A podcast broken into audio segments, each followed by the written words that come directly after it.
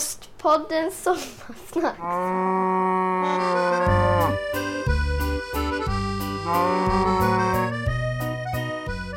Så, eh, det här är Ostpoddens Sommarsnacks och jag, jag är Johan, som ni vet.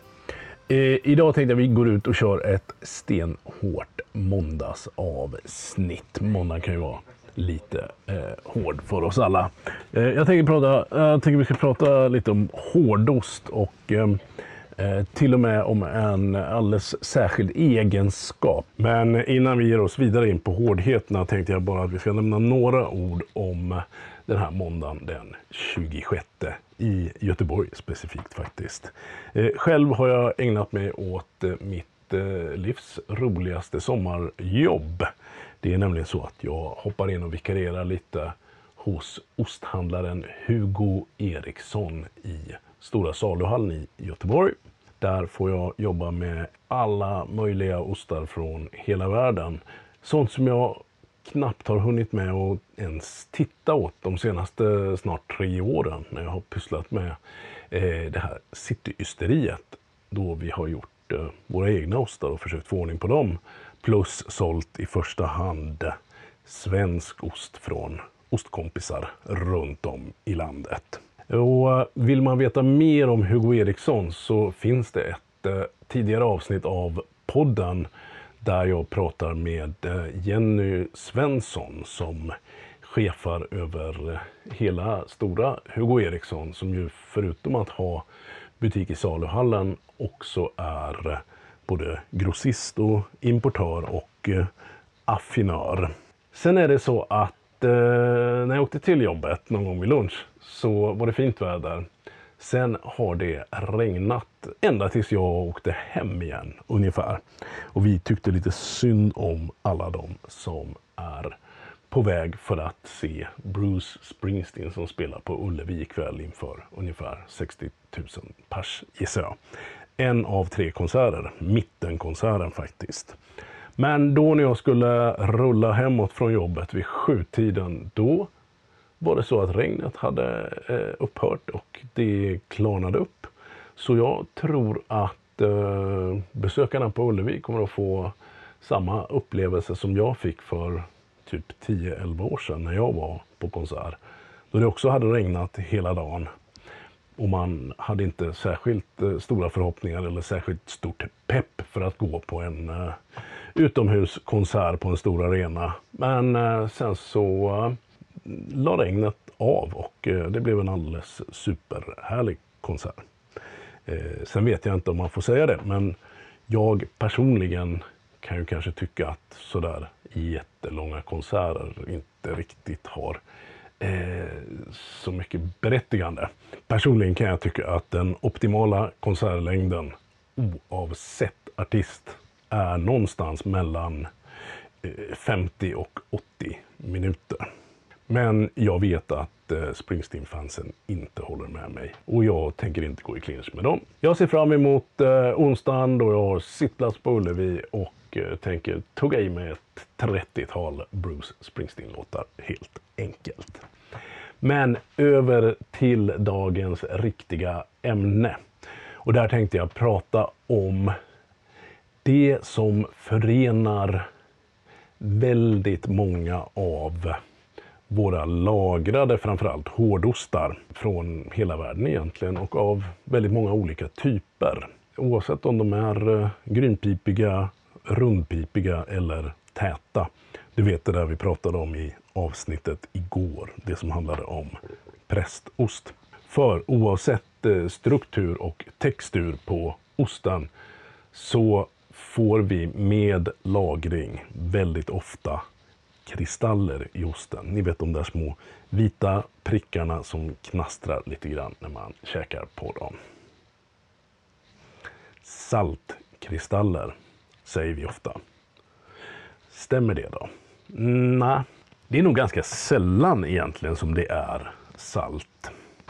Däremot, det som förekommer ofta i eh, ostar av mer kontinental typ, eh, parmesan, gruyère eller alpostar, holländska ostar i stil med chauda eller reipnar eh, och även vår grevé och vår herrgård. Det är något som heter tyrosinkristaller. Och jag ska försöka göra den här ganska långa och lite sladdriga historien aningen snärtigare och kanske inte så mycket spänstigare. Okej, okay. så här ligger det till. Ost innehåller protein. Ost innehåller också syrningskulturer. Under mognaden av en ost jobbar dessa syrningskulturer med att bryta ner proteinet. Då bildas aminosyror. En av de aminosyrorna är tyrosin. Vart efter tiden går och det bildas mer tyrosin stöter mer och mer tyrosin ihop och klumpar ihop sig, bildar dessa kristaller. En annan sak som hjälper till på traven här, utöver tiden, är att osten under mognaden också förlorar vätska gradvis. Och det säger nästan sig självt att eh, det är enklare för saker att torka upp och, kristalliseras i en lite torrare miljö. Ja, det fick vi väl ihop ganska kort. Jag vet inte hur, eh, hur spänstigt det blev. Men eh, saken är den att när man läser på lite grann om det här så eh, framgår det att det inte är helt klarlagt hur det här går till. Så jag tycker ändå att eh, vi har fått till en någorlunda eh, trovärdig förklaring i alla fall. Tyrosin kan du nästan vara säker på att det är alltså när du hittar de här små eh, kristallerna som finns både hela vägen igenom en ost egentligen, även när man karvar sig in i den. Om du däremot hittar något som inte är sådär små, eh, små prickar utan kanske lite mer utbrett, lite vitt och eh, knastrigt. Framförallt på den, den alltså yttre ytan på en ost som inte uppstår igen egentligen efter att man har börjat skära i den. Då är det sannolikt kalciumlaktat. Det här är en tillblivelseprocess som man har lite bättre koll på. Det är nämligen så här att eh, syningskulturerna i osten käkar laktos och det bildas mjölksyra. När det kom, finns tillräckligt mycket mjölksyra kommer fria kalciumjoner i osten att kunna binda till mjölksyran och det bildas ett salt, ett kalcium mjölksyra salt. Och när det finns tillräckligt mycket av det och förutsättningarna är de rätta, då kommer det här saltet att kristallisera. Och miljön vi behöver, det är en lite fuktig miljö. Hur får man till en sån då? Jo, man kanske har en ost som man packar lite otajt. Så det blir lite eh, utrymme mellan eh, yta på osten och plasten eller vad det är man har att packa med. Och sen kanske man plockar den lite grann fram och tillbaks mellan svalare och lite varmare miljöer. Då bildas det gärna lite kondens eh, mellan, vi säger plast, jag packar ofta i plast. Så mellan plasten eller förpackningsmaterialet och osten. Där har vi fukten. Och eh, har vi bara en tillräckligt lagrad ost då så eh, kanske det här kalciumlaktatet dyker upp. Det är många av oss som gillar när vi har de här kristallerna. Framförallt kanske de här små tyrosinkristallerna i ostarna. Vi gillar när det knastrar. Tycker det är gött. Men frågan är, smakar det något? Nej, det gör det faktiskt inte.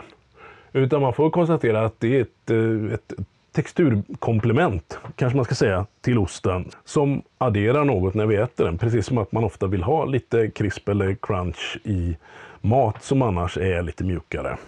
Så tyrosinet är väl det naturliga crunchet i osten kan vi säga. Eller för att vara riktigt sådär helgarderande då, så kan vi väl säga att kristallerna i lagrad ost är eh, det naturliga krispet i osten. Så har vi täckt in eventuella andra kristaller också. Ja, det var väl eh, tillräckligt med eh, mikrobiologi eller kemi eller vad det kan ha varit eh, för ett tag framöver.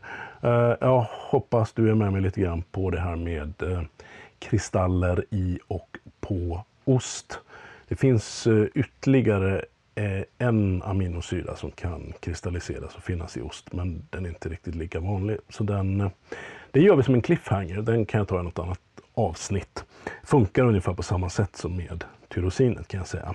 Så eh, det var allt för idag. Ostpoddens tredje sommarsnacks för 2023. Den 26 juni.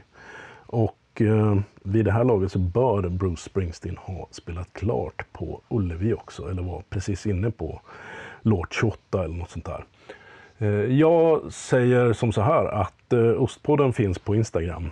Det gör också Cityysteriet Gbg och Dairy Punks. Följ hela skiten och eh, tipsa gärna den du tycker behöver lyssna lite mer på grejer om ost, om Ostpodden.